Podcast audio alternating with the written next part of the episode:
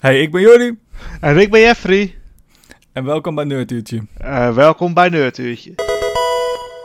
Je kan er natuurlijk niet omheen. Uh, Ant-Man en de Wasp Quantumania. Die hebben we nu ondertussen uh, twee keer gezien. Eén keer op de première dag. Tenminste, woensdag had hij voor het eerst voor de plebs in de bios kwam. en we hebben hem gisteren nog een keertje gekeken. En daar gaan we het in het tweede deel van deze podcast uitgebreid over hebben. Uh, of, uh, we gaan eerst een beetje een algemeen reviewtje doen. Uh, tenminste, meer van wat vonden we ervan. Mo moet je naar de bioscoop rennen of kan je ook gewoon rustig gaan doen? En daarna gaan we lekker de induiken, de alle details, alle nieuwe karakters. Wat betekent het voor de MCU? Ehm, ja, dat. Maar we gaan eerst lekker beginnen met wat hebben we nog gezien of gelezen deze week. Dus bij deze Jeffrey, heb jij nog wat gezien, gelezen, gehoord? Iets ervaren uh, met je oogballen. Jazeker. Uh, het is weer bezig. We hebben het misschien wel eens over gehad in het verleden. Star Trek Picard. Seizoen nummer 3. Uh, ja. ja. Uh, seizoen 1 en 2 niet per se heel denderend. maakt, heb, heb wat verteld. Er zat wat nostalgie in. Nee, ja. Ik ben ook, uh, ik moet zeggen, ik ben afgevallen uh, halverwege seizoen 2 of zo. Ik hield het niet meer vol. Nee, ik vond het een beetje te, te dommig. Te, het voelde echt heel erg B aan, zeg maar. Maar goed, misschien is dit opbeurend. De ondertitel van sowieso de eerste aflevering, misschien wel het hele seizoen. The Next Generation. Ja, ze hebben weer de, de oude pieps hebben ze weer van stal gehaald. Ja, maar dan ook echt, echt een nostalgie. Zelfs de, de intro muziek en de outro muziek is een remix van de originele Next Generation muziek. Ja, precies. Ze hopen nu weer de, oude fans erbij te, erbij te trommelen. Ja, ze, wat ze nu eigenlijk gewoon hebben gedaan is een continuïteit van de Next Generation en dan zoveel jaar later. Oké. Interessant dat ze dat dan in seizoen 3 ineens heel anders gaan doen. Dat ze ja. dan niet anders noemen of zo. Uh, hoe zeg je dat? Er was al een funderingje gebouwd. Ja, als, het, als het ene huis eraf waait, nou dan zet je er maar een ander huis bovenop. ja, het voelt inderdaad een beetje alsof je bovenop een, uh, op een begraafplaats weer een uh, mooi modern huis gaat neerzetten. Nou ja, als de heipalen in de grond zitten, het een, een, het een waait weg, dan bouw je er maar wat anders bovenop, hè? Ja, precies. Nou, ik ben, uh, ik ben heel benieuwd. Dus, maar, zou je, denk ik, ik heb, ik heb seizoen 2 dus niet afgekeken. Zou ik dan kunnen beginnen bij aflevering 1 van seizoen 3? Of zou ik het wel echt af moeten kijken? Er zitten, ja, er zitten twee, twee, drie karakters in misschien van de vorige seizoenen. Waar het misschien een klein beetje handig is als je een beetje voorkennis hebt. Maar al zou je ze niet kennen, dan gaat het ook prima. Want ik heb, eh, ik heb gewoon even mijn verstand op nul ben ik begonnen aan de eh, e-, eerste episode van de seizoen 3. Ja. En, en ja, oké, ik zag twee karakters, maar al weet je niet per se de background story, dan gaat het ook wel goed. Oké, ik ben benieuwd. Dus uh, ik, ik had er zeker, uh, ik kreeg er echt, uh, nou ja, tenminste, nostalgische gevoelens kan ik er niet heel erg voor, in een zekere zin voor hebben. Want toen de Next Generation draaide, toen uh, waren wij nog niet op deze aardbol. Ja, maar je hebt hem wel uh, gekeken, toch? Ik heb wel alle, god, zijn het zeven, ja, zeven seizoenen heb ik gekeken. Nou, ik heb het ook een beetje met de paplepel, uh, ja, iets later natuurlijk, maar met de paplepel ingegoten gekregen. Want mijn vader is Star Trek fan. Dus ik heb ze ook, uh, tenminste, maar gewoon meer dat ik meekijk met mijn pa, toch? Ja. ik heb het op die manier meegekregen vroeger. Dus uh, nee, ik, ik kreeg nu gewoon, want ze hadden ook qua vormgeving en zo weer heel erg die met die ronde blauwe letters, zo Next Generation, in dat echt dat, dat, dat ja, dat herkenbare lettertype en zo hadden ze dan weer een beetje er doorheen gemixt, maar dan met een beetje een, ja, een beetje die moderne Star Trek vibe à la 2020 tot nu. Oké, ja, ik ben benieuwd. Want ik vind bijvoorbeeld uh, Strange New World vind ik echt fantastisch. Dat is echt, uh, ja, maar die, goed. Die, dat is gewoon echt weer iets heel anders. Dit is, die vibe is niet vergelijkbaar. ik. Het is, ja, het is... Hmm, ik vind het lastig te zeggen, want ze waren met de eerdere seizoenen van Picard waren ze juist weer heel high sci-fi gegaan. Maar nu zijn ze weer wat meer terug naar de roots. Wat meer naar de echt wat. Hoe je ook die ouderwetse Star Trek consoles en zo. En al die flikkerende lampjes en zo. En die teksten die je net wel net niet kan lezen. Ja, tof. Ik ben heel benieuwd. Ik denk dat ik eh, even ga wachten tot er een paar afleveringen zijn. En dan eh, ga ik het checken. Dat ik achter elkaar een paar wat kan kijken. Dus eh, ja, dat een, van de, een van de series die ik, waar ik, die ik wel interessant vond om even te noemen voor deze week. Jij nog, Ja, eh, jij nog een leuke serie om te noemen voor deze week? Ik heb eh, seizoen 2 van eh Legend of Vox Machina is online gekomen op Prime Video. Het is een Prime Original, in ieder geval bij ons, volgens mij sowieso. En dat is van de guys van Critical Role. Die hebben een, een, eh, ja, dat- een, een clubje die eh, Dungeons Dragons speelt, zeg maar. Dat zijn allemaal voice actors en een keer besloten ze om, eh, om dat te gaan filmen. En dat vonden mensen zo fantastisch dat ze nu in seizoen zoveel zitten en een gigantische interactieve set hebben met bliksem effecten en echt een soort tavern en het is super gaaf. En daar is dus nu ook, ze hebben nu ook poppetjes en merch en eigen Dungeons Dragons boeken en het is ontzettend vet. Maar omdat we natuurlijk voice acteurs zijn, waarom dat niet gebruiken? Dus ze zijn een cartoon begonnen. De Legend of Fox Machina. Dat is niet een Dungeons and Dragons cartoon, maar het is dus gebaseerd op hun campaigns. Dus hè, verander wat hier en daar, maar eh, in de roots is het Dungeons and Dragons. Eh, maar als je echt een eh, hardcore Dungeons and Dragons fan bent, ze doen wat dingen anders. dus wees niet op je, op je teentjes gestapt. Hoe zeg je dat? Ja, precies. Hoe, die, hoe dat gaat, die uitdrukking. Wees niet op je teentjes ge- Wees niet geïrriteerd Ja. daardoor. Maar ze doen er veel leuke dingen mee. En eh, ik vind het juist wel een soort... eh, het is heel erg een eh, brief of... een, verpest ik weer een uitspraak. Een brief fresh, fresh air. Het is heel erg een... het is heel erg vernieuwend. Het voelt heel erg fris. Ehm, vooral seizoen 1 had misschien nog wel heel erg veel referenties naar, naar seks en heel veel... eh, wat niet per se slecht is natuurlijk, maar het voelde zeg maar een beetje dat ze op elk moment even moesten zeggen van, oh ja, die heb ik gedaan en dat heb ik gedaan en die heb ik beide Ja. gedaan. En zo, weet je, dat was soms een beetje too much of zo. Z- Zitten Eh, er en ook dames in de groep? Ja, ja, zeker. Het is een beetje 50-50. Ah, het is wel 50-50. Want oké, want meestal als een beetje de humor die kant op gaat, dan zie je dan nogal dat het nogal erg een beetje een mannenkliek is. Maar er zitten ook Nee, wel het is, dames eh, in. Ja, het is 50-50, zoiets. Ah, oké. Dus, eh, Maar eh, het is vooral eh, één karakter die dat, die dat heel erg doet, zeg maar. ja. Die is zeg maar nogal de over... die, die, die drukt dat nogal in. Maar, en er wordt sowieso door alle karakters wordt er heel veel gescholden.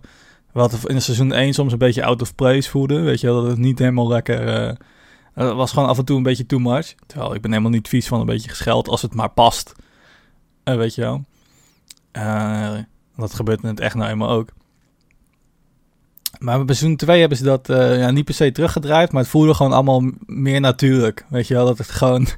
Dat als er echt wat slechts gebeurt, dat ze dan dingen zeggen en dat ze dingen... Dat ze dan pas, oh fuck, of weet je wel. Dat is logisch, sir.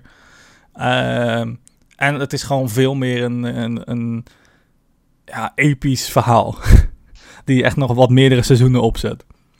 Dus het is, eh, het is een soort quest eh, die ze dan, eh, zonder al te veel te je nog wil kijken. Het is een soort quest die ze opzetten en ze moeten zeg maar een paar dingen doen en wat McGuffins halen, weet je wel. Een paar van die, van die, van die itempjes, van, de, van die god items. Mhm. En daarmee moeten ze dan zoveel dingen gaan doen. Weet je wel. Dus eh, waarschijnlijk eh, is er dan één per seizoen eh, een soort eindbaas. En dan gaan we weer verder of zo. We gaan het zien. Maar ik vond het in ieder geval erg tof. En het is super episch gedaan. En de characters hebben ook daadwerkelijk groei. Wat ik altijd heel fijn vind in cartoons. ja. Ehm, dat ze echt, zeg maar, iets meemaken.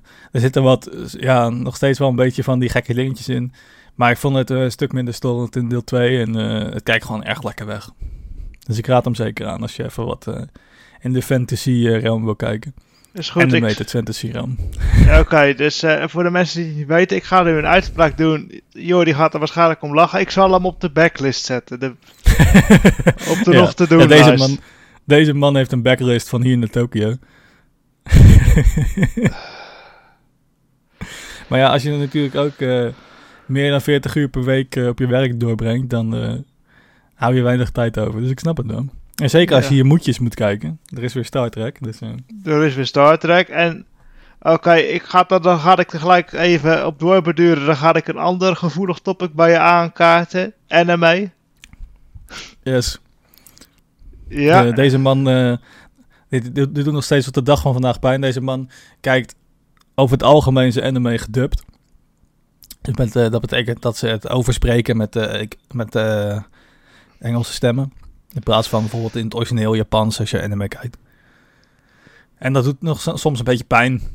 Ja, de, de, de, deze man die kijkt zijn anime het liefst gewoon op zijn westers. Ja, precies. Gewesteriseerd.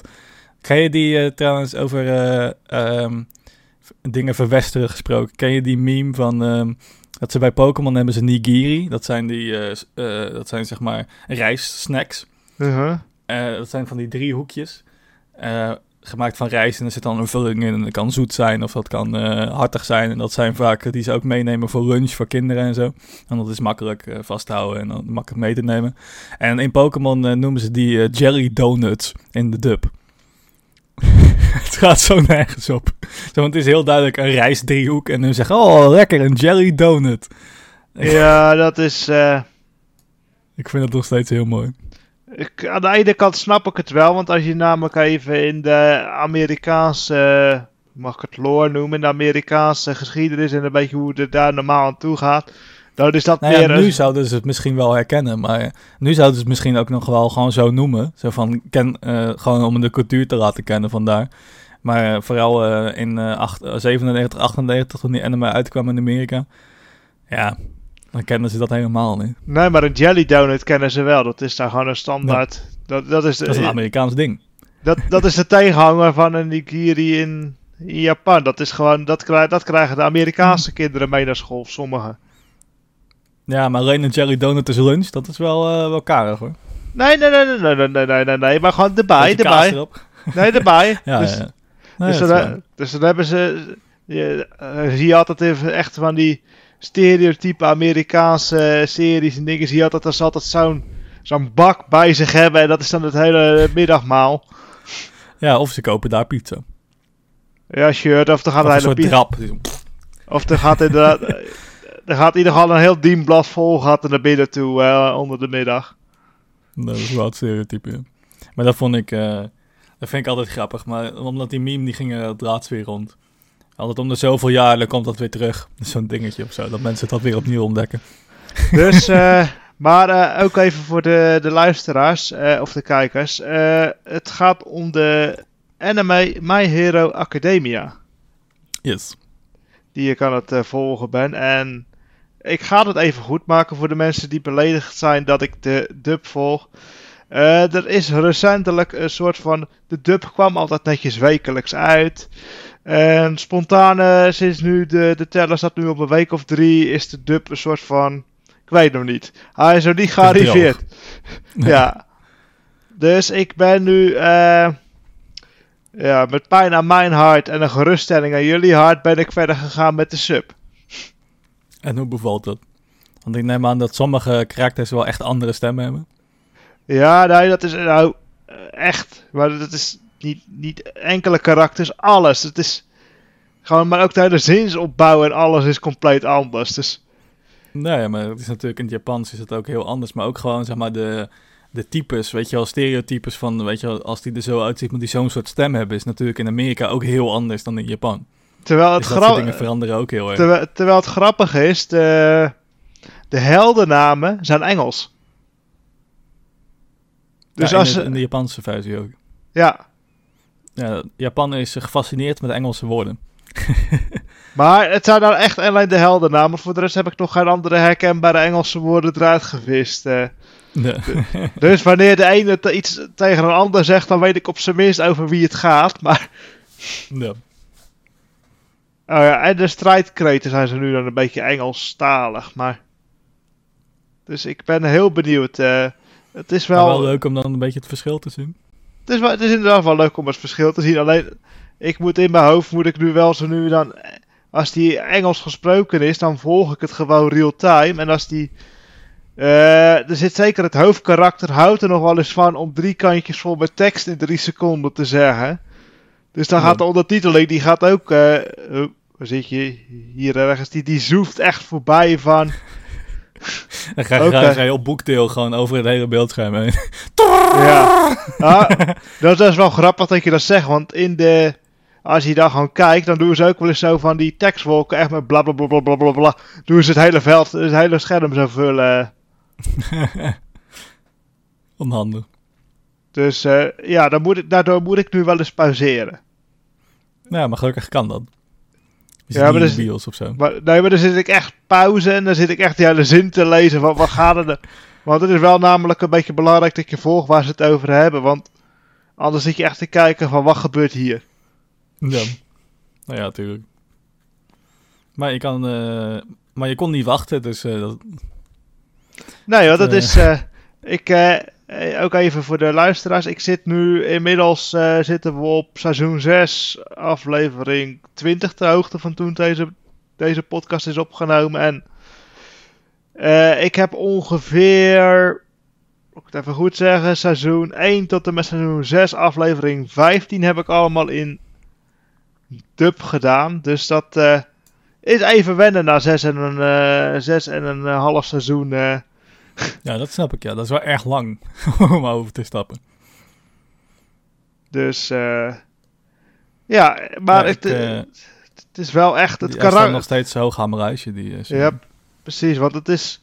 We zijn nu wel op een punt in de serie aangekomen dat het karakter echt van helemaal. Ik moet, het moet helemaal ondersteund worden naar geheel zelfstandig. Echt, echt heel ep- epic en gaaf is toegegaan. Sick, ik ben erg benieuwd. Kijk het een beetje lekker weg, of is het, eh, moet je wel echt eh, opletten? Ehm, Buiten dat je af en toe, als je de, als je de dub kijkt, als je de sub kijkt, dat, eh, dat je dan heel veel moet lezen.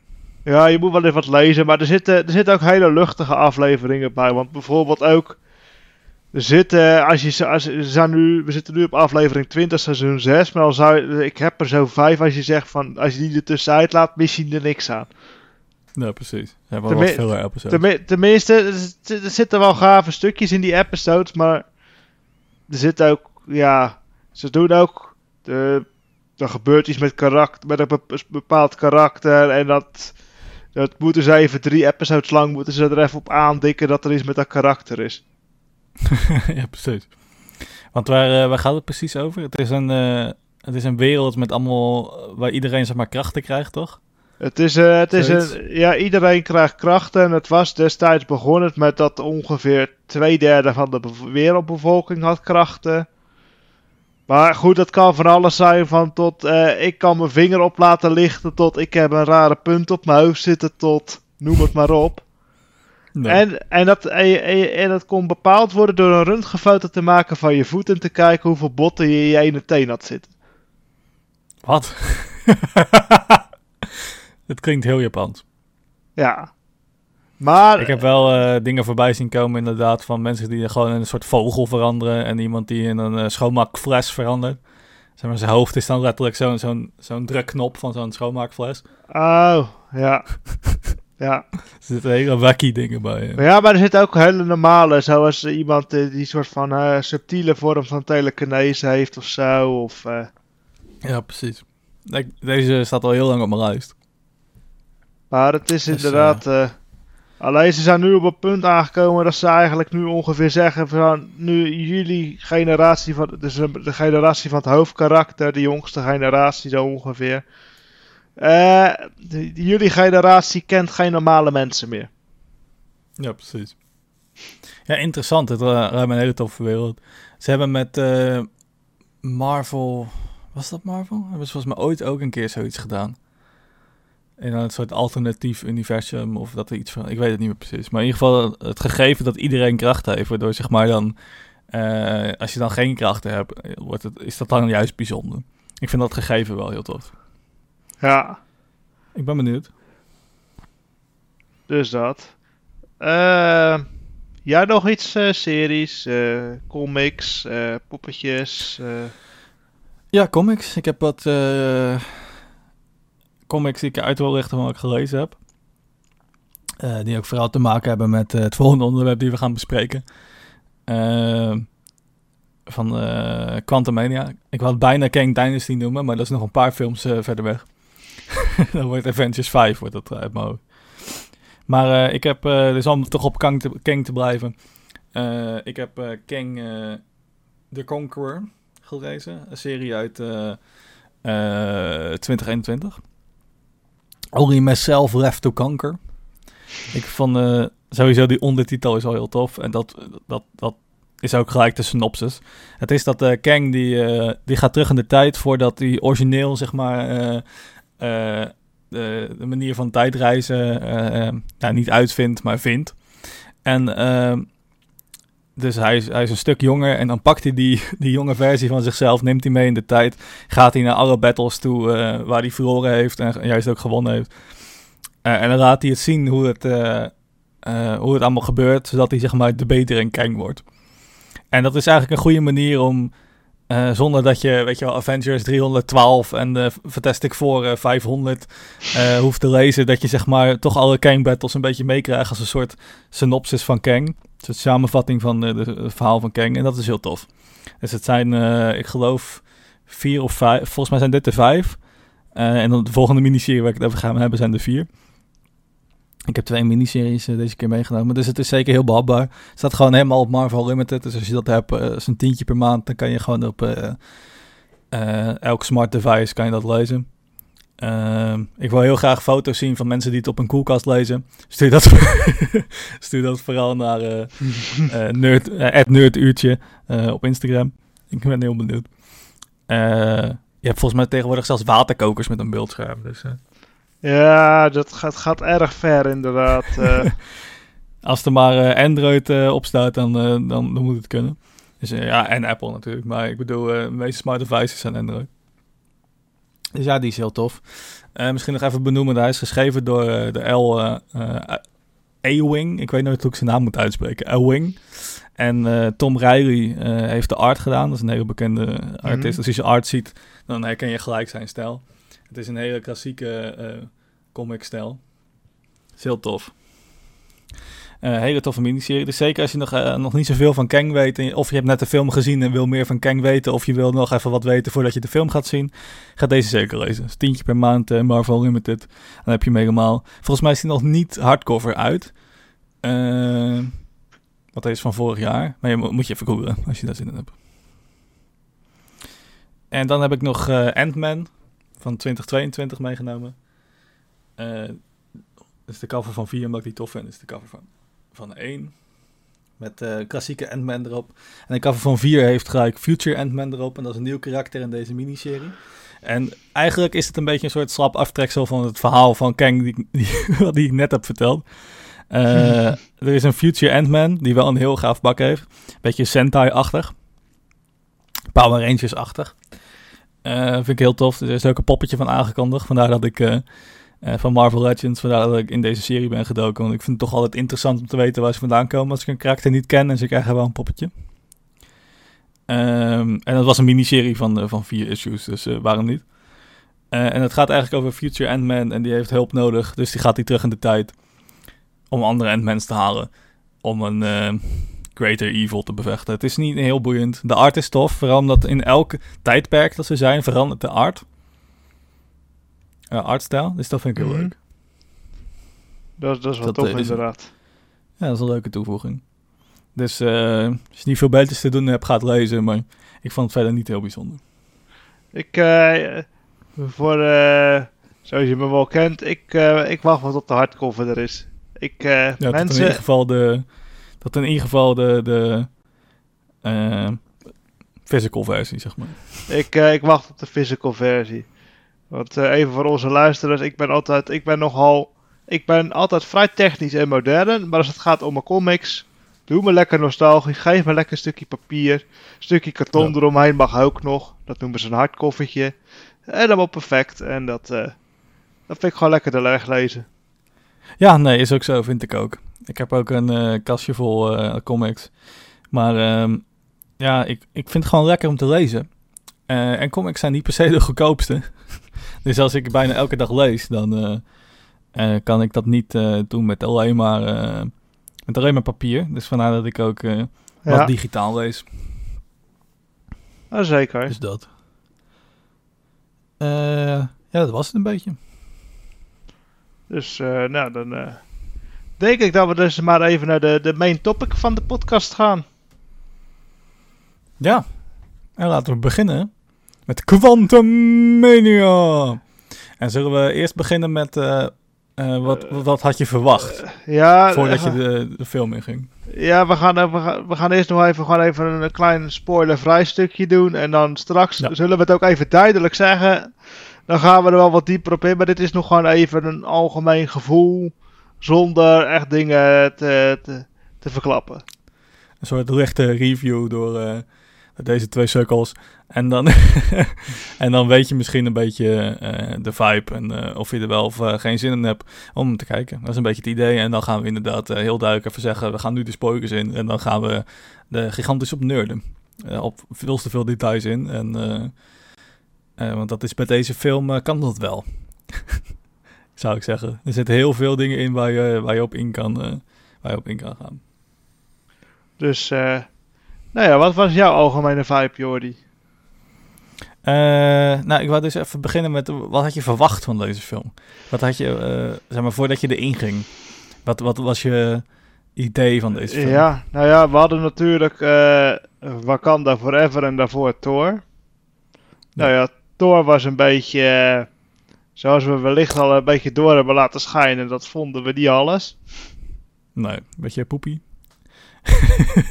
Eh, ja, vooral omdat in Thor Love and Thunder eigenlijk het verhaal is, is, eh, zit, zit op de zijlijn, zit op de bank.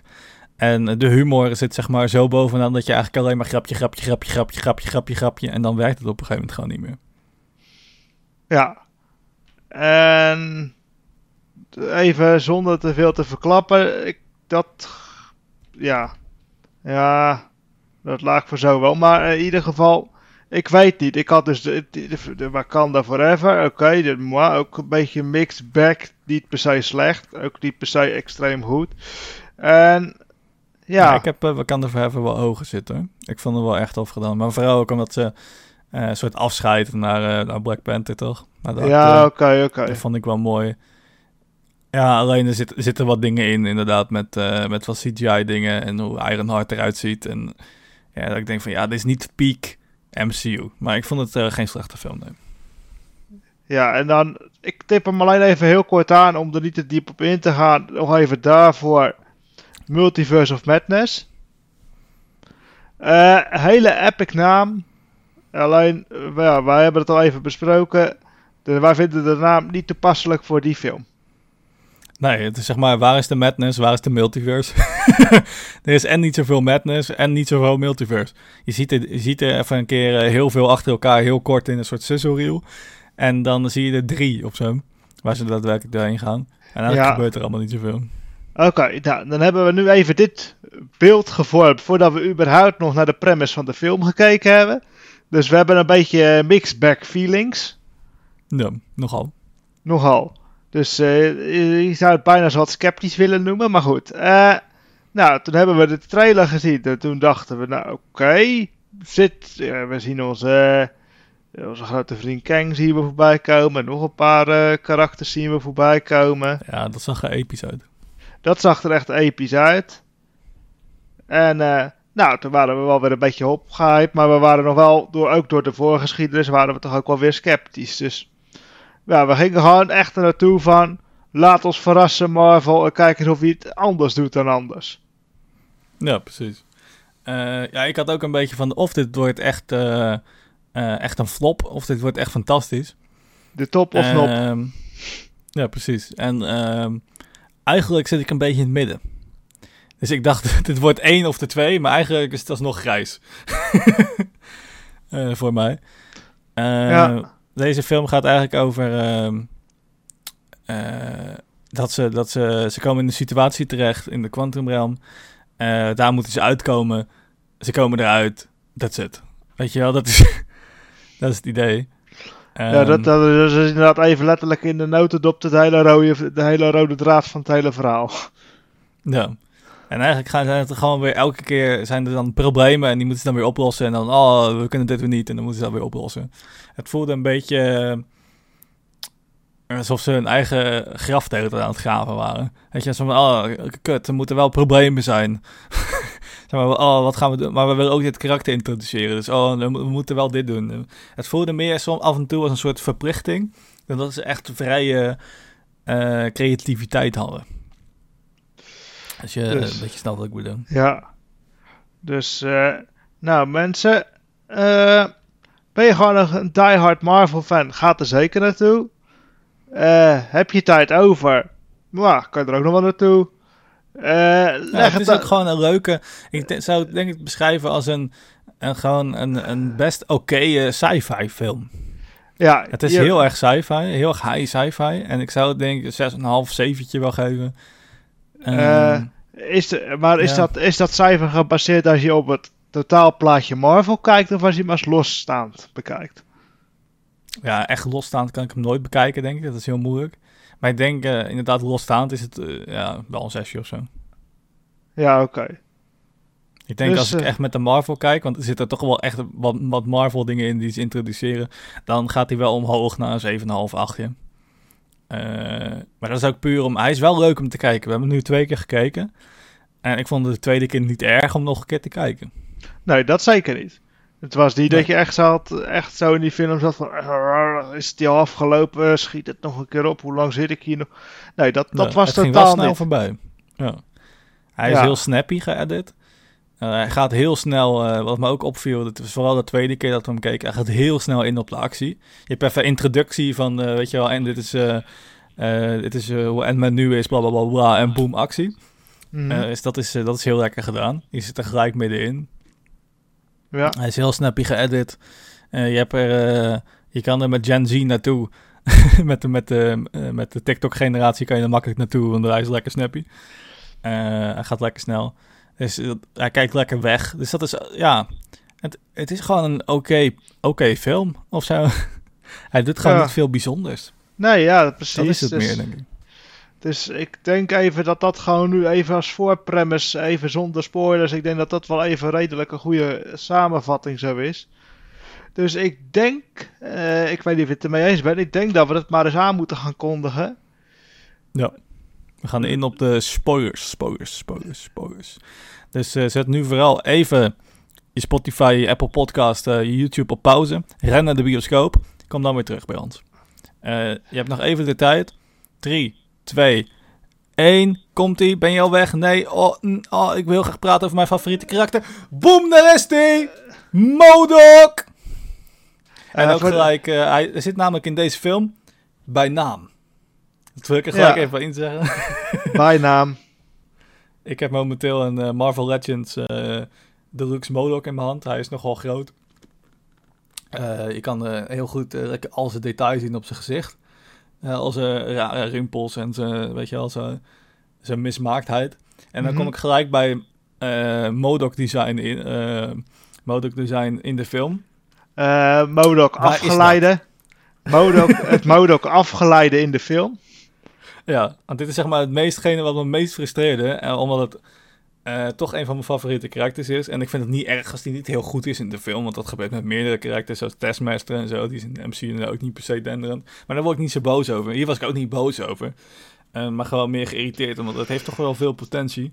Maar vooral, waar was het, zeg maar, de monsterheid in zijn gezicht? Het was echt gewoon een soort... ja, om er gelijk maar in te fietsen. Het was een soort Lego, Lego smiley gezichtje. Zo, hallo! Het was er zo opgeplakt. En, Wat en, was dat? En hoort Modok geen haar te hebben. Ja, maar dat vond ik niet heel erg. Hij mag best kaal zijn. Dat vond ik ook de tweede keer dat ik hem keek, dacht ik, ja, dat kale gedeelte is niet eens storend, maar misschien had je dat dan dicht moeten maken, of I don't know. Ja, ik Ja. weet niet. Haar, je had een makkelijk haar. Waarschijnlijk hebben ze sowieso hebben ze testen gedaan met haar, maar ik denk gewoon dat het niet goed werkte. Ja, Eh, ik kan me niet voorstellen dat er niet ergens een test bestaat eh, waar ze Modok hebben gerenderd met haar. Nee, dus ik, Eh, maar, maar had er dan misschien gewoon een gouden, gouden plaat bovenop gedaan tot aan die, tot aan die hoofdband? Ja. ja, ik moet wel zeggen, sowieso het verhaal veranderen van Modok, dat vind ik geen probleem. Want ja, het is toch moeilijk om, eh, om zo'n karakter te introduceren in een realistische wereld. En het is om hem te introduceren in een onrealistische wereld. Moi, ja, tuurlijk. ja, Ja, maar goed. En dan heb je weer gelijk de eerste eh, bad guy van Ant-Man 1 eh, eraan vasthangen. Oké, cool, waarom niet? Maar goed, ze hebben hem geïntroduceerd en hij is eigenlijk gelijk voor het einde van de film alweer ge- ge- geoutrood. Hij is er dan niet meer. Ja. Ja, precies. Ja, verder was het design ehm, wel goed. Het was puur Modok.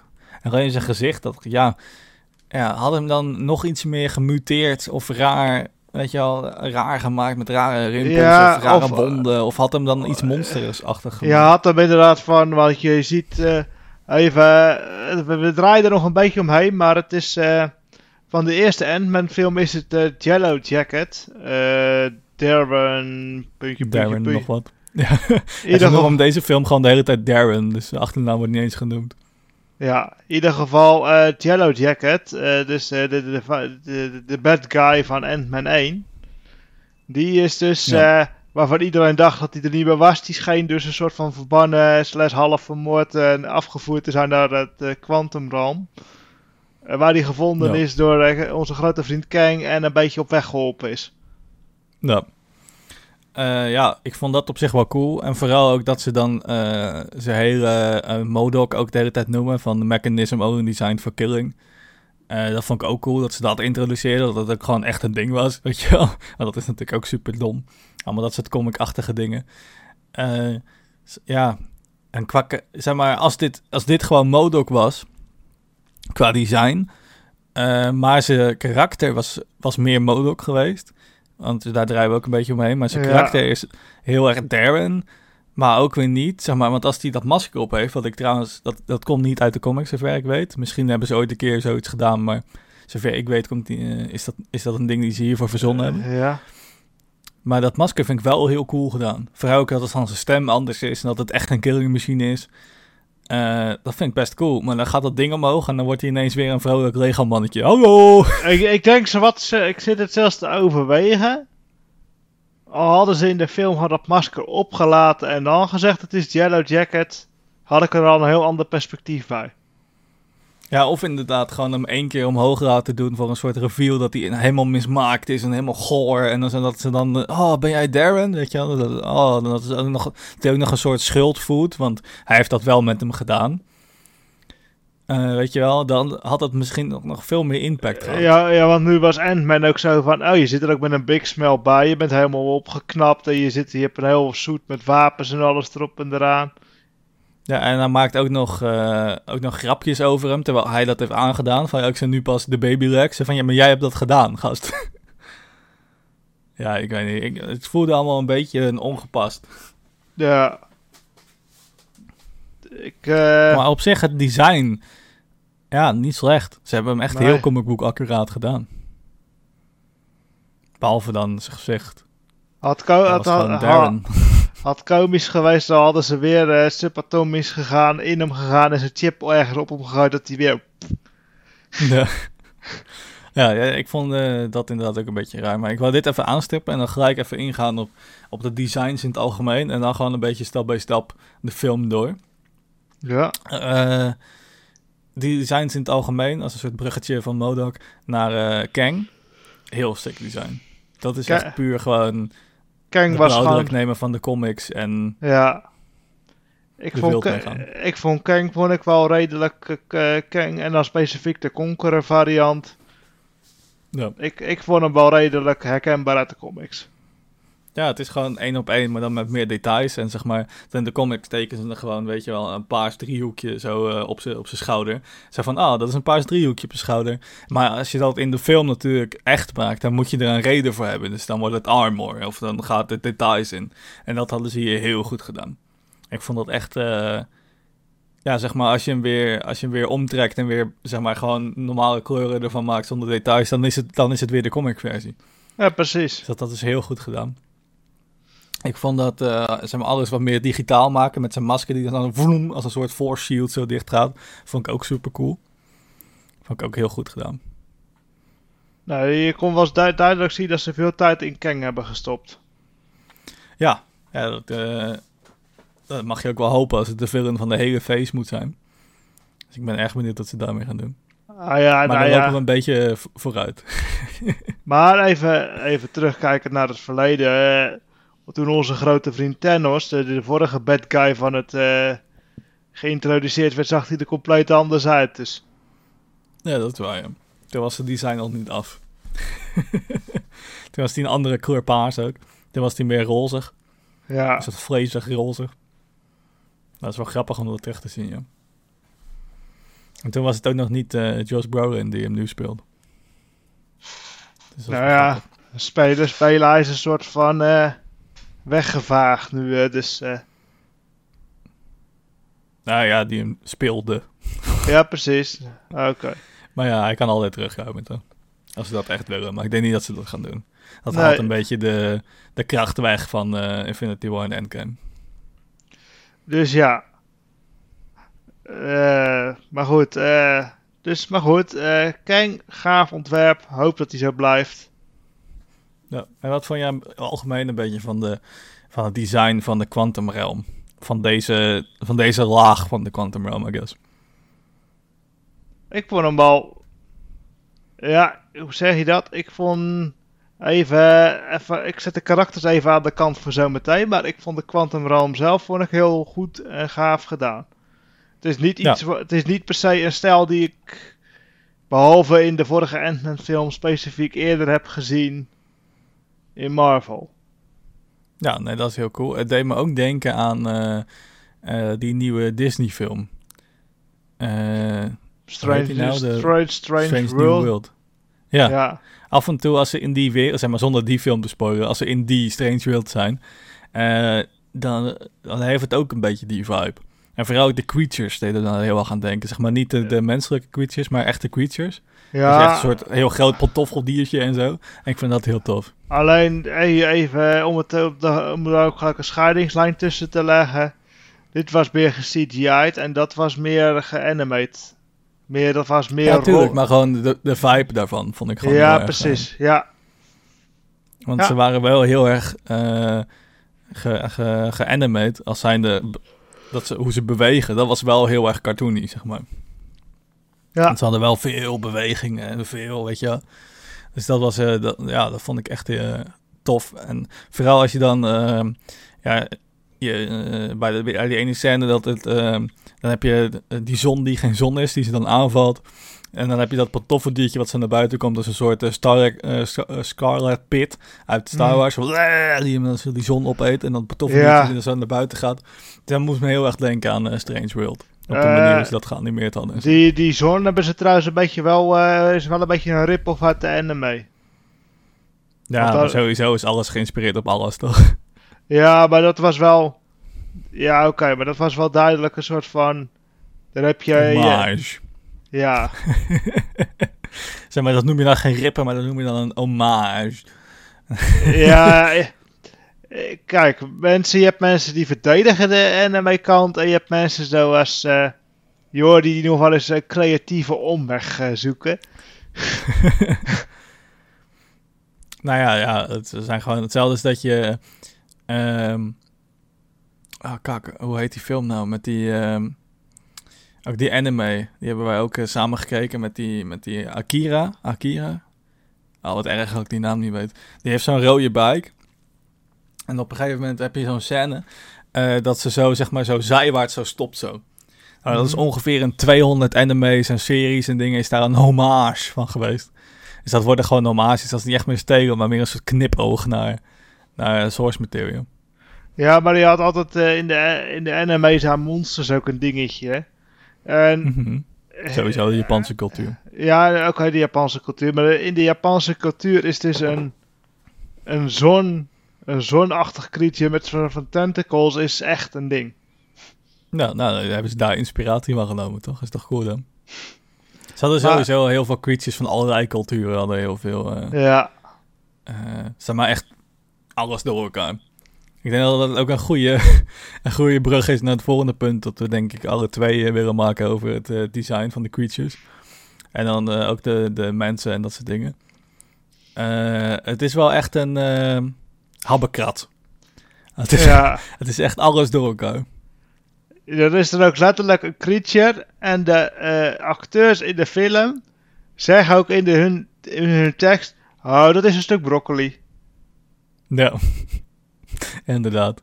Maar ook dan heb je dat, maar dan heb je ook gewoon een soort mensen die dan met speren rondlopen. Maar dan heb je ook mensen die lijken op mensen, maar zijn geen mensen. Maar die hebben telekinesis, in ieder geval eentje zien we daarvan.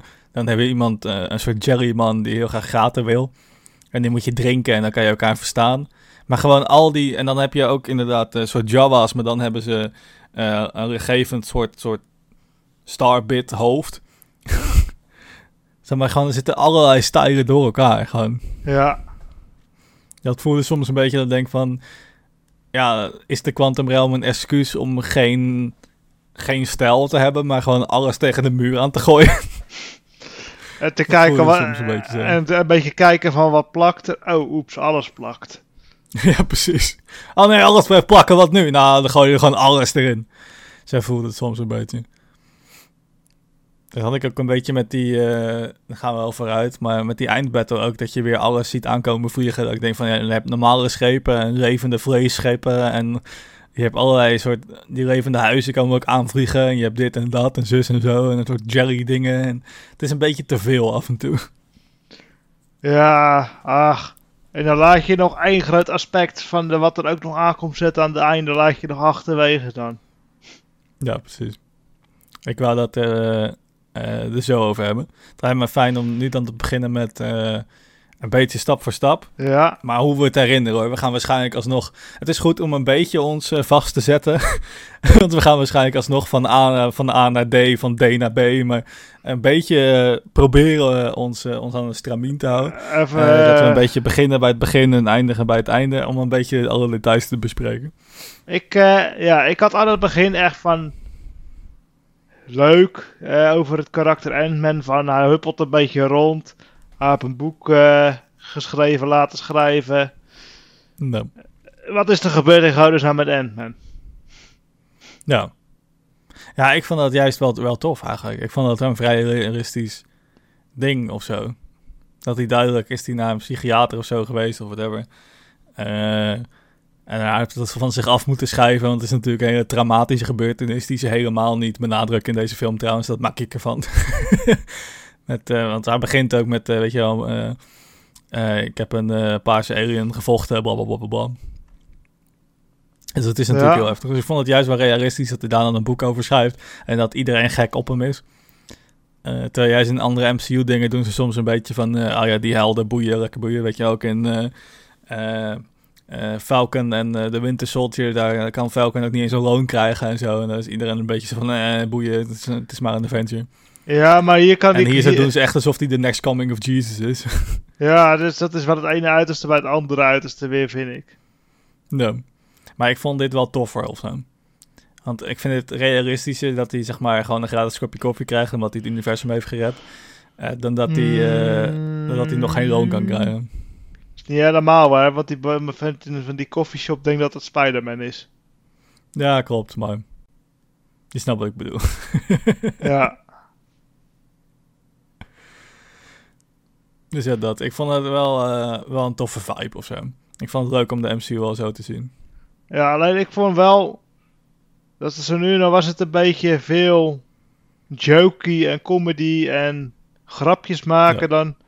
Met, in, in balans met het serieuze. Want je, je had een soort van Kang die heel serieus was. En de rest. Ja, nee, zeker. Maar ik denk ook dat, vooral wat ik zo tof vind aan het begin, zeg maar, dat het daar juist jokey kan zijn.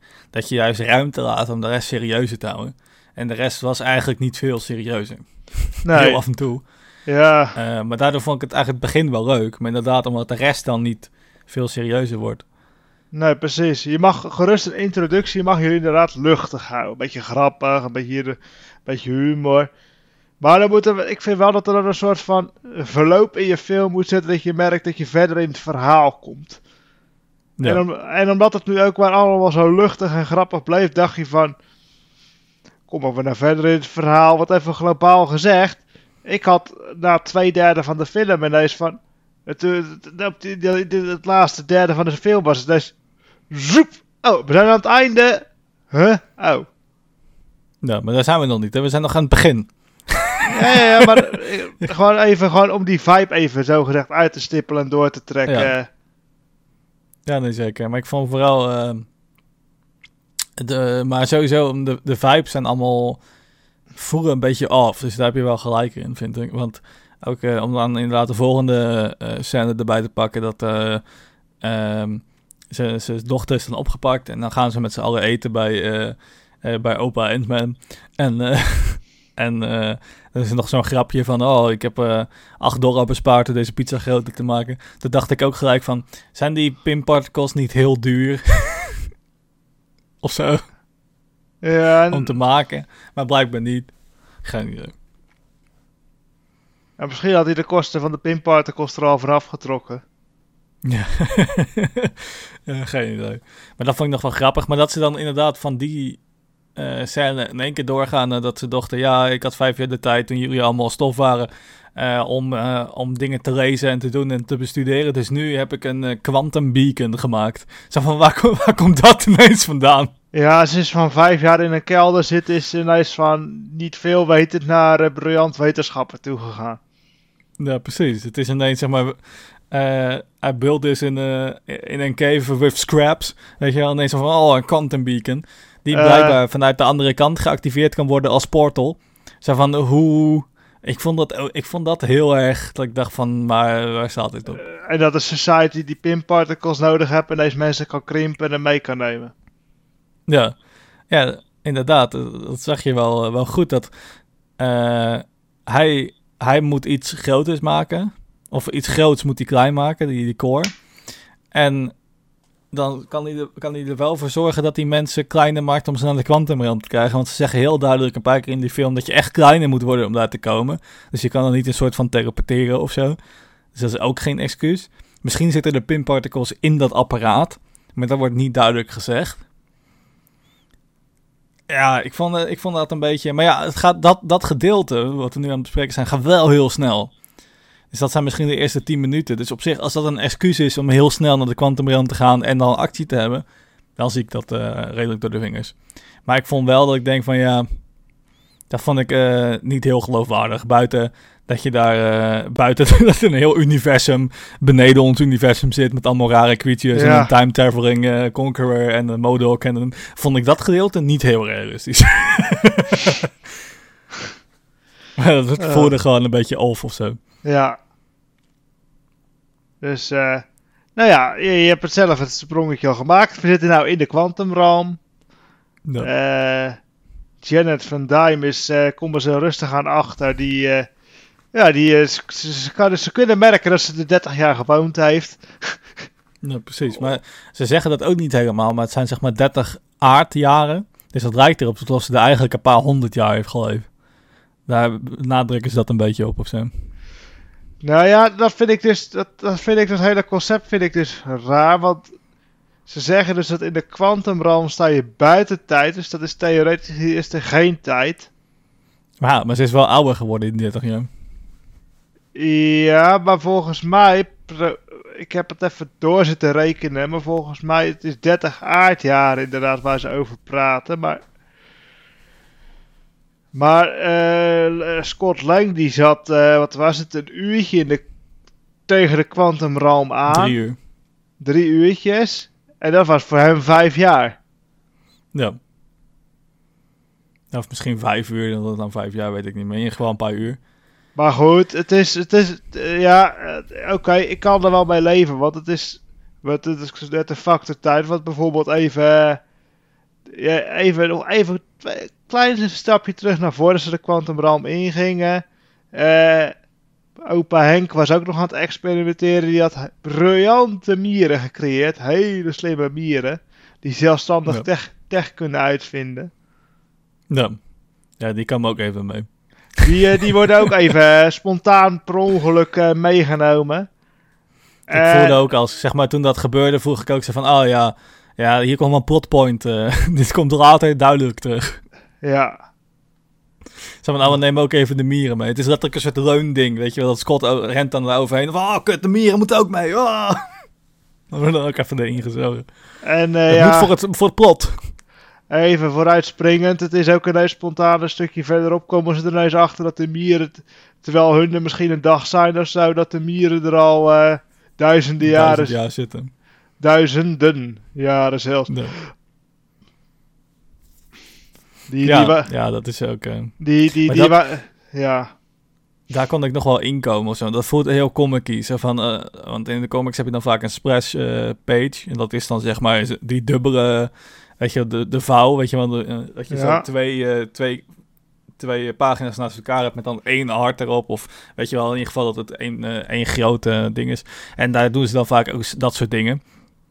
Het voelde heel erg als een splash page, waarin je het even snel wat uitleggen van, oh ja, deze mieren zitten er ook duizend jaar, let's go. En ze zijn nu slimmer, dus nu kunnen ze helpen. Dat voelde nog wel heel comic maar als je dat dan één keer doet, vond ik dat nog wel eh, prima. Daar, kon ik nog wel Ja. in komen. Maar ze doen, van dat soort dingen doen ze heel vaak in deze film.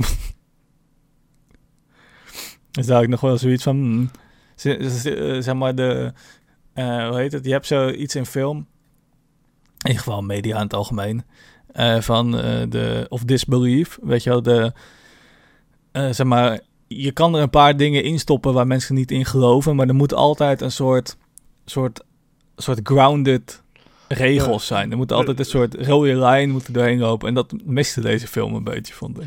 Nou ja, het is inderdaad, de- om er even op door te gaan, het is inderdaad van, wij zeggen ook altijd, en dat, dat, vind, dat nemen wij ook een beetje kwalijk in onze reviews.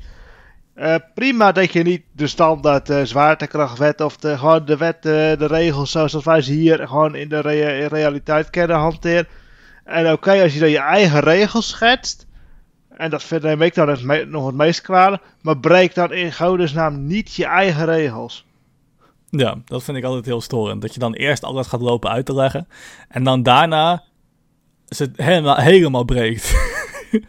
dat sowieso heeft Endman daar wel een handje van. Want in de eerste Endman dan zeggen ze eerst van ja... maar als, dingen die je kleiner maakt, die houden wel hun massa. Dus als je ze groter maakt, zijn ze even licht als ze, toen ze klein waren. En als je ze kleiner maakt, zijn ze even zwaar als toen, ze wat groter waren. En, maar dan heeft Henk wel een echte tank aan zijn sleutel hangen. hangen. Eh, en dan eh, stopt hij wel zijn kantoortje, wordt dan heel klein en wordt een soort, soort zo'n reiskoffertje die hij dan meeneemt. Ze van, wat gebeurt hier? dus ze breken gelijk hun eigen regels.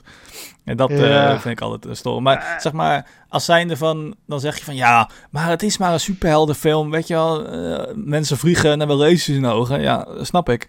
Maar leg het dan niet uit. Zeg dan Nee. gewoon, ja, het wordt kleiner. Klaar, dan vind ik het prima. En bijvoorbeeld nog zo'n het prima. En bijvoorbeeld nog zo'n storend puntje. Als je op je lichaam pinparticles gebruikt, moet je zo'n helm op hebben om je hersenen te beschermen. Ja. Eh, ik weet niet, maar volgens mij toen ze van eh, normale grootte naar eh, grote grootte toe gingen, is de helm ook een paar keer af geweest volgens mij. Ja, sommige, de, de, de oude Ant-Man en de Wasp hadden helemaal geen pakje aan. En Ant-Man deed pas in de Quantum Realm zijn pakje aan. En Stinger had ook haar pak nog niet aan. Dus ja, dus het is niet met pinparticles gedaan, maar dat weet je dus niet. zeg maar, hoe komen ze daar? Ja, dat is heel verwarrend. en maar ook gewoon. eh, het is al ook uit vorige films. Als die enorm groot wordt, dan kan hij dat misschien eventjes doen. En dan zou die in theorie. Zou die soort van buitenaan hem in moeten storten en klaar. Dat gebeurt ook. Mm, ja, de eerste keer dat hij heel groot werd, maar daarna kon hij ineens eh, een hele tijd groot blijven en kon hij ineens... eh, Ja, misschien dat ze even wat powerbars in zijn broekzak zitten. Of wat Ja. citrus. ja, precies. Nee, daar komen we later ook nog op terug als een ander karakter dat ook wordt. Want daar gaan ze dan wel op in. Eh, maar misschien train je dat ook een soort van. Daar lijken ze op te hinten.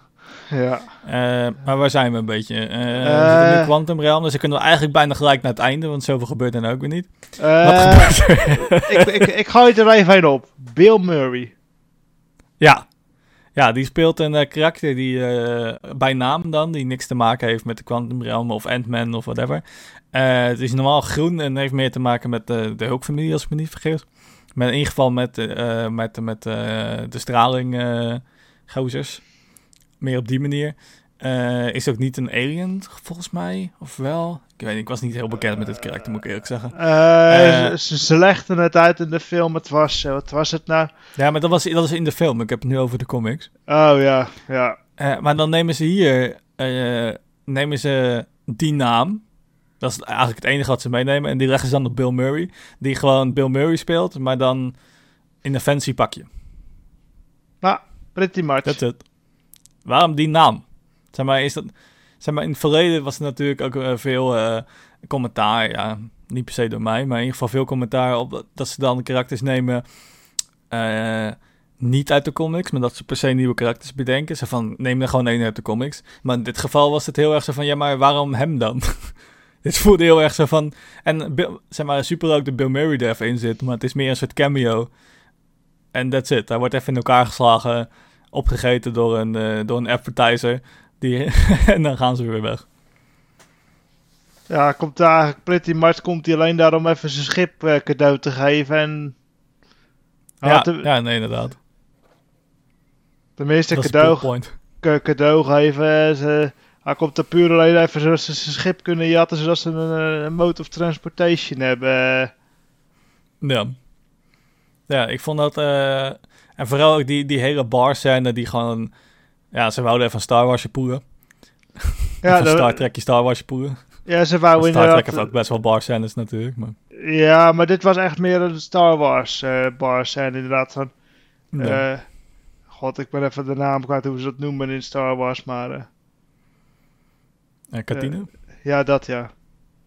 Echt, ja, ik had ook heel erg dat uh, inderdaad gewoon... Er zat gewoon een calamari in. En dan weet je, elke calamari die, die, die squid-achtige beesten. En, ja. Sommige daar waren dan iets minder Star Wars, maar dan denk ik van ja, dit, voelt, dit is dan een hommage, zou ik dat zeggen. Maar het voelde ook heel erg van, maar dat komt later dan ook weer niet terug of zo. Die vibe daar is weer heel anders. Ja. Ja, maar dan komen we ook weer gelijk bij het schip. Ze hebben een schip gejat van uh, Bill Murray. En, dan komt de meest grappige shit ooit. Oh nee, waar, waar is de besturing? Nee, die twee Jerry dingen zijn de besturing. Oh, gadver, ik moet mijn armen erin doen. Van, hoe vaak moeten we dat de laatste tijd zien in sci-fi? Ik word er een beetje gek van. Ze doen, dat, ze doen die stick zo vaak in sci-fi de laatste tijd. Uh, ja, want inderdaad, uh, Star Trek doet het. In de Discovery. Doctor Who heeft het gedaan. Ja, maar ook gewoon cartoons. Rick and Morty doet ook dat soort grapjes. Weet je, ja. Dat je een soort seks moet hebben met een schip voordat je hem kan vliegen. Zeg maar, waarom moet het dan per se ook hierin? Het voelde ook heel erg als een normaal schip, maar dan zit er ineens Jerry-armen in. Nou ja, maar dat Oké, dit is dan grappig of zo. Ja, maar ik weet niet of je zag van... Want er moest wat opgestart worden, dat was ook allemaal... Ja, er zat dan ook een maagdevries zat ervoor, ja. die, moest, die moest even kapot om erbij te kunnen, ja. Ja, ja ik, ik snap die stick wel van alles leeft in de Quantum Realm, blablabla. Maar ik werd een beetje moe van al die grappies. Van, oh, die moet je armen er helemaal insteken. Ja, ik weet niet. Misschien ben ik dat wel, hè. Ik weet niet, jij er moeite mee? Um, ja, het is wat ik zeg. Ik volg ook Doctor Who en ook Star Trek. En die, ja, het is, al die dingen doen het een beetje. Dus ja, je staat er niet, ik sta er niet verbaasd van te kijken, laat ik het zo zeggen. Ja, maar ik vond het meer... Zeg maar, ze deden alsof dit heel nieuw was. Weet je, ze deden alsof uh, dit hebben we uitgevonden. Kijk hoe grappig. Maar die grap is toch gewoon al heel vaak gemaakt. En dat, dat, dat had ik een beetje zo van, ja ja, verzin ja. wat nieuws of zo. Ja. Maar... Ja, dan, uh, daar had ik er een beetje mee. Uh, voor de rest, uh, inderdaad, we hebben het al een beetje en erop gegeven. Kang, tenminste als je hem gezien hebt, en dan weet je dat natuurlijk gewoon. Maar Kang die heeft dus pin particles nodig om zijn core weer klein te krijgen. Dus daarom heeft hij een Ant-Man of een Wasp-achtig figuur nodig. Ja, dus uh, even, even een klein zijstapje om het even uit te leggen. Hij heeft een soort van. Uh, degene wie met de comics kennen, hij heeft zijn almachtige stoel waar hij in kan gaan zitten. En dan kan hij mee door de multiverse reizen. En, die, en die stoel die heeft een power source. Die Throne en die stoel, die heeft een bolletje. Dat is eh, de, de Power Source. En ja, hij is er eigenlijk, eh, hij is naar de verbannen naar de Quantum eh, Realm. En toen was die Power Source, die was gesaboteerd. Oeh, oeh, Ja, kapot. door, door onze wasp. Door onze oude wasp. nee, nee, nee. Hij was in eerste instantie was die nog door een paar andere personen. Ja, de, de Kanks. Maar ik bedoel, toen zij door had dat hij dat slecht was, heeft ze hem opgeblazen. En daar moeten ze hem nu van redden. Ja, toen flikkerde ze, ze had toevallig in de zak, trok ze nog een heel handje van die pinparticle dingen, die flapte ze er zo bovenop. En ja, toen werd, toen werd de koren van een leuk handzaam eh, balletje, werd het ineens eh, een ding te grootte van eh, Amsterdam. Ja, en kon hij er niks meer mee. Nee, Nee. precies. En ik vind het wel leuk gedaan dat hij daarin dan zijn kingdom bouwt. Dat vond ik grappig gedaan. Zo van, he makes from his prison it's a kingdom. Ja, Dat vond ik tof. Ehm, maar ik vond het ook een beetje dat ik denk van, hij is zo machtig. Hij heeft letterlijk al zijn tech weer terug.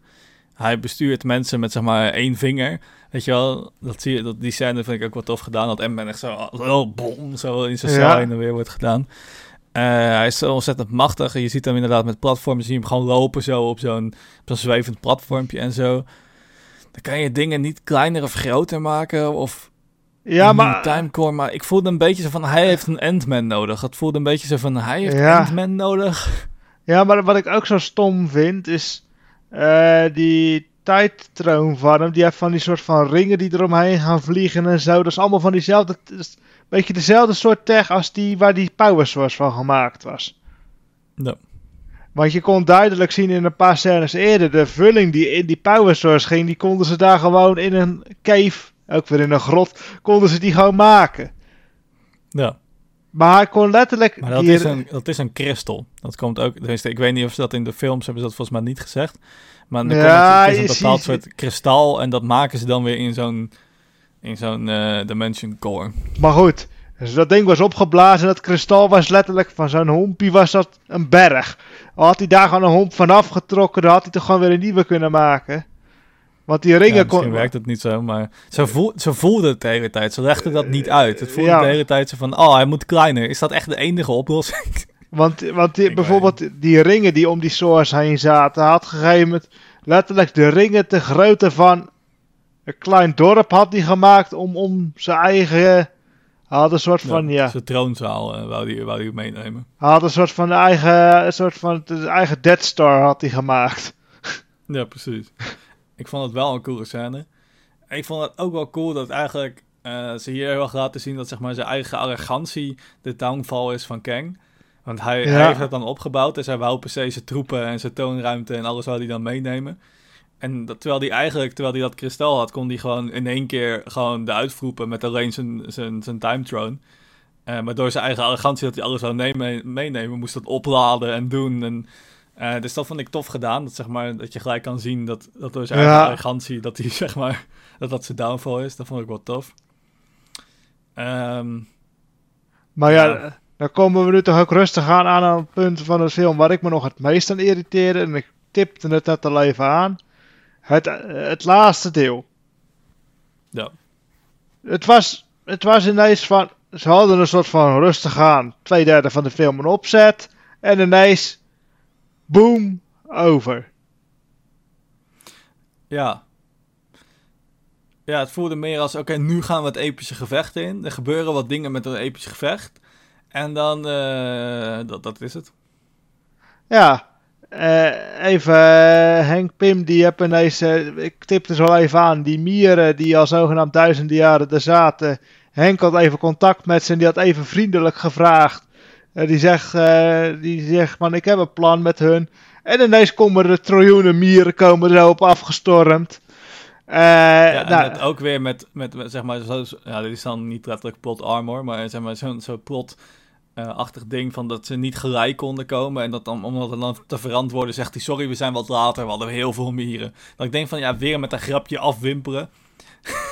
Ja, Ik vond dat, ja, ik weet niet, maar alles met een grapje afwimperen, dat, dat, dat, dat, maar, samen- eh, dat is wel een samenvatting van de MCU. laatste maar goed, maar- als, als Ken in zijn, in zijn full armor zit, dan pakt hij die reuzen en dan pakt hij zo met één hand beet.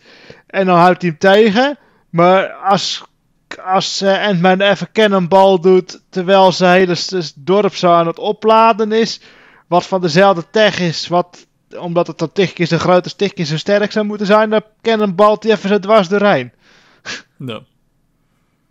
Ja, maar daar was het meer dat hij, hij verschoof de, uh, de, de, de, de ringen. Was meer yeah. dat zeg maar, gewoon door de force, dat, zeg maar, dat hij niet per se door de force field heen moest, maar dat hij gewoon door een soort aardbeving te creëren die ringen verschoven.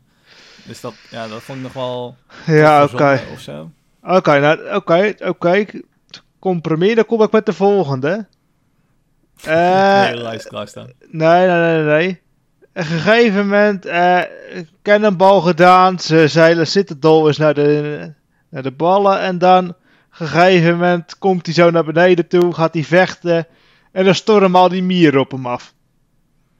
Ja, ik had het ook. Nou ja, één ding daarvoor is natuurlijk, dan activeert hij een soort force shield om zich heen. Dan komt Modok van uh, uh, I am not a dick. Uh, komt er even doorheen fietsen. Zo van, oh, ik, ik ben geen dik. En dan is dat force weg en dan komen al die mieren. ik had ook zoiets van, daarvoor heb je een best wel een epische scène. vond ik echt heel goed gedaan. Dat, dat Kang gewoon vol Kang gaat en gewoon zo voem, voem, gewoon alles... Gewoon alles is weg. Gewoon, hele, ja. Je hebt niet eens meer een like om te rouwen. Het is gewoon dat alles explodeert en alles vergaat en doet. En wow, super episch. En dan komen er een paar mieren die drukken hem opzij en die gaan een beetje aan hem kauwen en dan kan die niks ineens. Dat voelde ah, heel erg. Ah, maar hij kon een soort van de force gebruiken. Hij kon teleporteren, hij kon vliegen. En ineens kan hij niks meer als de mieren komen. Nou, dat vond ik heel droog. Nou, zat ik... Van, hij kan toch ietsje omhoog gaan. En ze hadden nog steeds hetzelfde kunnen doen. Maar daar zat ik... met iets meer force tegen, toch? Van, hij had iets omhoog kunnen vliegen. Dan had hij heel wat mieren kunnen... Uh, ja. Ook, uh, kapot kunnen maken. en, en dan, weet je wat, waren te veel mieren aan zijn voeten en doen. En dan wordt hij alsnog naar beneden gedrukt. Maar dit was gewoon in één keer een paf. En hij is klaar. Nee, want ik heb ook even. Maar ik heb de tweede keer even goed zitten kijken. Want toen heb ik even met Ant-Man logica er tegenaan zitten kijken. Je hebt in Ant-Man 1 laten zien dat je allemaal van die verschillende soorten mieren hebt. En je hebt er ook van een soort van gele die een soort van elektriciteit beïnvloeden. Ik heb heel goed zitten kijken, maar ik had het donkerbruin vermoeden dat ik er ook een paar van die zou op Kang zou zag springen. er zaten er een paar met een andere kleur tussen inderdaad, dat viel me ook op. Ja, dat zou allemaal goed kunnen, maar het voelde gewoon heel erg out of place. Ja, nee, dat, zeker. Er heel diep een oplossing voor is, dat kan, maar het voelde gewoon allemaal niet, niet goed uitgelegd. En in ieder geval, ja, Het, voelde, het, voelde, niet goed of zo. Nee, want dan, dan leggen ze, ze, ze leggen dingen uit die verbreken ze. En er zijn er dingen die ze niet uitleggen waarvan we denken, WTF is hier aan de hand. Ja, maar ook meer in dezelfde scène is hij nog gewoon vol conqueror en maakt hij alles kapot. En dan in dezelfde scène nog wordt hij overrompeld door mieren. Ik vond dat, een, ik vond dat ja, heel apart. En Modok, die door hem geprogrammeerd en omgebouwd is, keert ineens tegen hem en dan kan hem niet uitzetten of wegwaaien of wat dan ook. Ja, dat vond ik ook apart, want, in, want eerst dan, dan spreekt hij hem alleen tegen en dan drukt hij hem tegen de muur aan.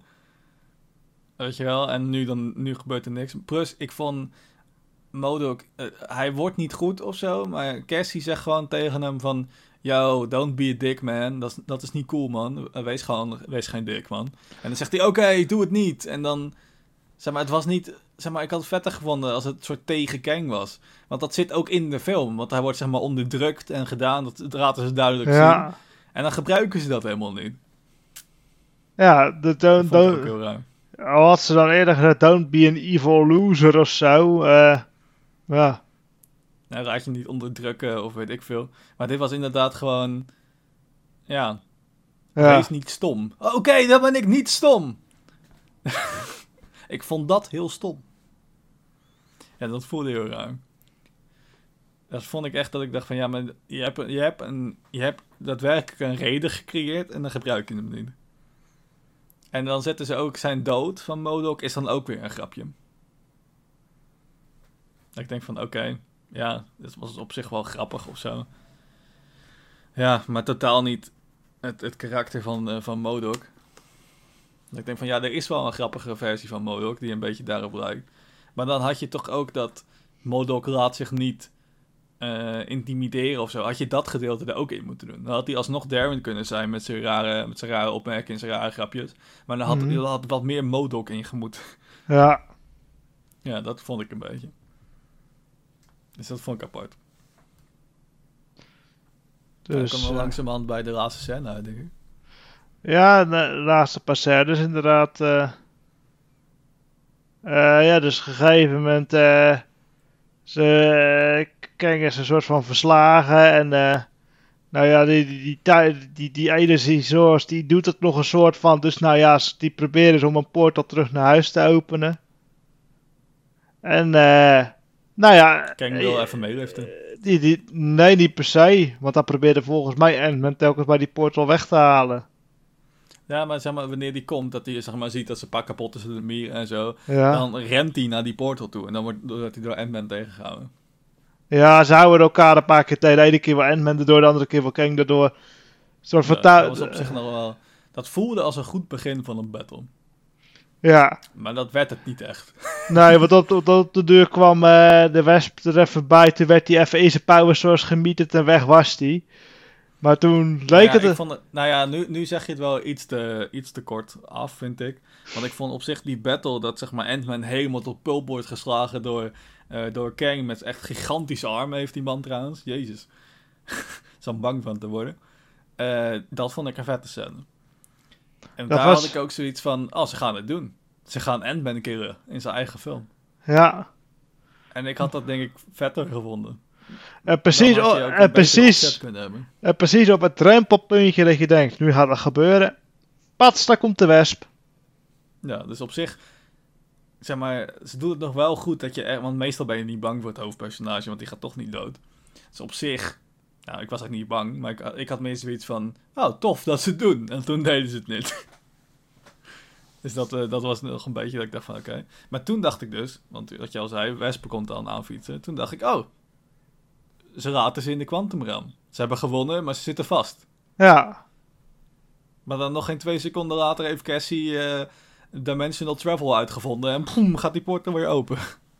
Ja, dan hebben ze ineens een ding wat ze hebben gebouwd om puur een scanner te zijn, hebben ze ineens omgebouwd tot interdimensionaal portaal. Ja, dat voelde ook heel erg out of the blue. Zeg maar, het is niet... Want, want ze deden van, oké, even de portal openen. Maar het is helemaal geen portal device. Het was, maar een, hoe- s- het was een scanner, het was een mapper, het was... ja. Het voelde, ja... Ja, heel raar. Zeg maar, deze hele film heeft zo'n vibe van... Dat ze dingen opzetten en dan de andere dingen mee doen. En dan, weet je wel, dingen te veel uitleggen, dingen niet uitleggen. Ja, het voelde een beetje als een, eh Ja, wat dan even... zootje. Even dan eh, even, even de, letterlijk de ene laatste scène. Ant-Man die gaan een taart halen en dan op een gegeven moment stopt hij even om even te filosoferen wat hij nou eigenlijk gedaan heeft. Ja. En dan wordt hij even bang dat, eh, dat die Kang niet, niet tegen heeft gehouden. En dan En denk daarna hij... gaat hij weer verder met zijn En, leven. en daarna doet hij met een grapje van, ah, het zal wel, ik moet me niet te druk maken, want als ik, dat, als ik me niet te druk maak, dus ik heb het verleden gezien, komt het ook wel goed. Ja. ja, ik vond het op zich wel goed dat ze dat aanstipten. Eh, zo van, hebben we nou wel verslagen? Maar toen deden ze er later alsnog niks mee. Ja, Maar ik vond dat nog wel een redelijke scène. Ehm, ja.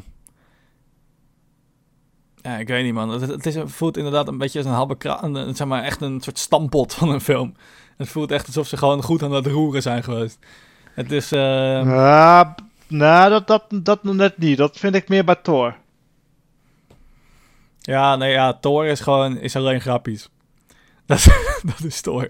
Ik vond bij deze meer dat ze af en toe gewoon eh, eh, de reden kwijt waren. Ja, Dat ze gewoon maar dingen deden. ja, weet niet, hij is zeker vermakelijker dan Thor, vond ik. Het is ook meer een film dan Thor. Eh, het heeft meer een draad. Het is meer van A naar B. Ehm, ja. Ja, het zet wel veel op voor de MCU, vraagteken. vraagteken.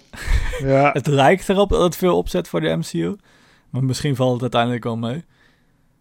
En dat hebben we ook gezien met series en zo. Dat we dan denken dat het heel veel wordt opgezet. Maar dan doen ze er eigenlijk niet gek veel mee. nog, Ehm, nog, nog even gelijk even series aantippen. De eh, tweede mid-credit scene. Ja, de tweede met credits scene is inderdaad een teaser van, eh van Rocky. Maar echt een paar seconden. Dan zien we weer een variant van Kang. Of in ieder geval een man die erop lijkt. Ehm, dus dat was wel interessant. En eh, de eerste mid credits, eh, de mid-credit scene in ieder geval, is dan eh, de Council of Kangs. Dus dan zie je de drie Kangs die ik wel tof, tof vond gedesigned. Dat ze echt drie, alle drie helemaal verschillend waren. En waar King Tat voorbij komt. Die je ook in die miniserie kan lezen trouwens. Dus Daar wordt hij ook aangestipt. Ik had niet verwacht dat ze die in de moderne tijd nog zouden doen. Dat ze hem zouden verkleden als een Egyptenaar en, en hem koning zouden maken. Ik had verwacht dat dat te gevoelig zou liggen of zo. Eh, maar ze hebben het toch gedaan. Eh, dus dat vond ik wel cool, denk ik, vraagteken. Eh, ja, en de andere twee designs waren ook wel cool. Ik vond wel een beetje dat hij daar dat het een beetje voelde alsof hij... Ja, hij was natuurlijk met zichzelf aan het praten. Maar een beetje alsof hij maar gewoon wat deed of zo. Alsof er niet heel veel directie was van hoe die andere Kangs nou moesten praten of zo. Nou, doe, doe ongeveer hetzelfde als de andere, maar net niet. Doe deze met een ander accent en doe deze heel rustig pratend. Zo voelde het een beetje inderdaad. Dat, eh, alsof hij een beetje aan het spelen was met zichzelf. Alsof ik nu zou doen van... Hey Jordi, hallo Jordi. Weet je, zo voelde het soms een beetje. Een beetje als een soort kindermusical. Ja, dan doe ik die acteur natuurlijk niet te goed aan. Want hij is een supergoeie acteur. Dat hebben we ook duidelijk gezien in deze film. Dus hij kan het zeker. Maar gewoon specifiek een Daily Meet Credit zien... vond ik het er een beetje kinderachtig uitzien.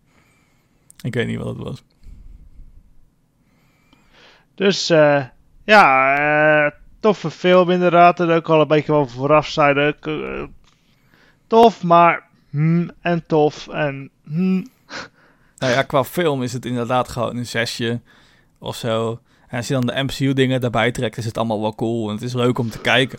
Maar het is gewoon allemaal niet zo bijzonder. En dat klinkt heel gek van, weet je, deze film is super, super wacky en super raar. En heeft heel veel gare designs. Maar eigenlijk is het allemaal niet zo bijzonder. Eigenlijk overdekt dat gewoon een soort heel lauw plot. Eh, dat vind ik een beetje jammer eigenlijk. dat is het zeker. En Dus, om nu dan eh, door te trekken naar de volgende MCU-projecten is volgens mij... eh, ehm, Eh Guardians Guardian, eh, Guardians 3. Guardians of the Galaxy 3, om het even volledig te zeggen. volume 3, volume 3. Oké, Om het helemaal volledig te zeggen. om het volledig volledig te zeggen. Ja, En eh, eh, heb je daar nog vertrouwen in? Want er draaide een, eh, een trailertje voor deze film. Wat vind je daarvan? ik ben heel benieuwd. Want ze gaan een stukje wat nu met de Guardians doen. En een stukje wat is er met de individuele personen gebeurd waardoor ze zo geworden zijn. Dus het kijken, Ja, of gaan worden of zijn? Of, ja. eh, ze, ze kijken terug en ze kijken vooruit. Dus ik ben heel benieuwd welke kant ze nou op willen. ja, vooral als ik dan deze film zie, wat ze dan een beetje doen met... eh, ja, het is niet letterlijk space, maar space-achtige dingen. En eh, wat ze hebben gedaan met de Christmas special, die ja, toch niet heel denderend was, maar wel de. Christmas special wel grappig was of zo. Ehm, ik ben heel bang voor deze film. en vooral ook de stukken in Thor Love and Thunder van The Guardians.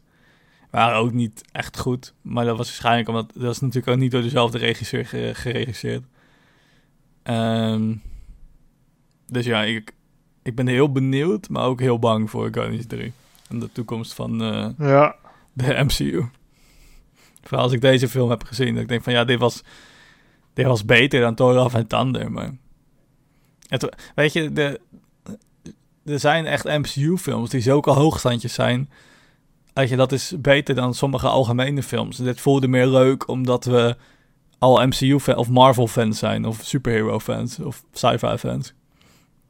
Het voelde Ja. niet algemeen leuk of zo. Het voelde meer, al we zitten al in dit universum, eh, dus we gaan hem kijken. ja precies. Weet je wel. Ehm, dus ja, ik weet niet, man. Dus eh, ja, we laten ons wel verrassen inderdaad hoe, eh, welke kant eh, Marvel op wil gaan eh, met de rest van fase 4? Vijf, dit is vijf. Dit is de eerste film van vijf. 5. Oh ja, we zitten alweer in 5. maar goed, we, we laten ons aangenaam verrassen als dit de eerste van 5 is, hoe de rest van 5 eruit gezien. Ik denk dat als we er eenmaal twee of drie gezien hebben, dat we een beetje kunnen zien welk, wat voor patroon ze hebben en welke kant ze op willen gaan. Ja, laat vooral weten of je het uh, juist helemaal met ons eens bent of juist helemaal niet met ons eens in de comments op YouTube of uh, uh op, op Instagram. ik ben heel benieuwd wat mensen ervan vinden namelijk. als je dan toch bezig bent, volg ons daar gelijk even. daar houden we ons, dan kan je op de hoogte houden van wanneer afleveringen online komen en of wat we gaan bespreken in de komende weken. dus volg ons vooral op de platformen naar keuze. YouTube, Spotify, Apple, Google Podcast. Um, en dan uh, mis je er geen één. En dan zien we je daar de volgende keer.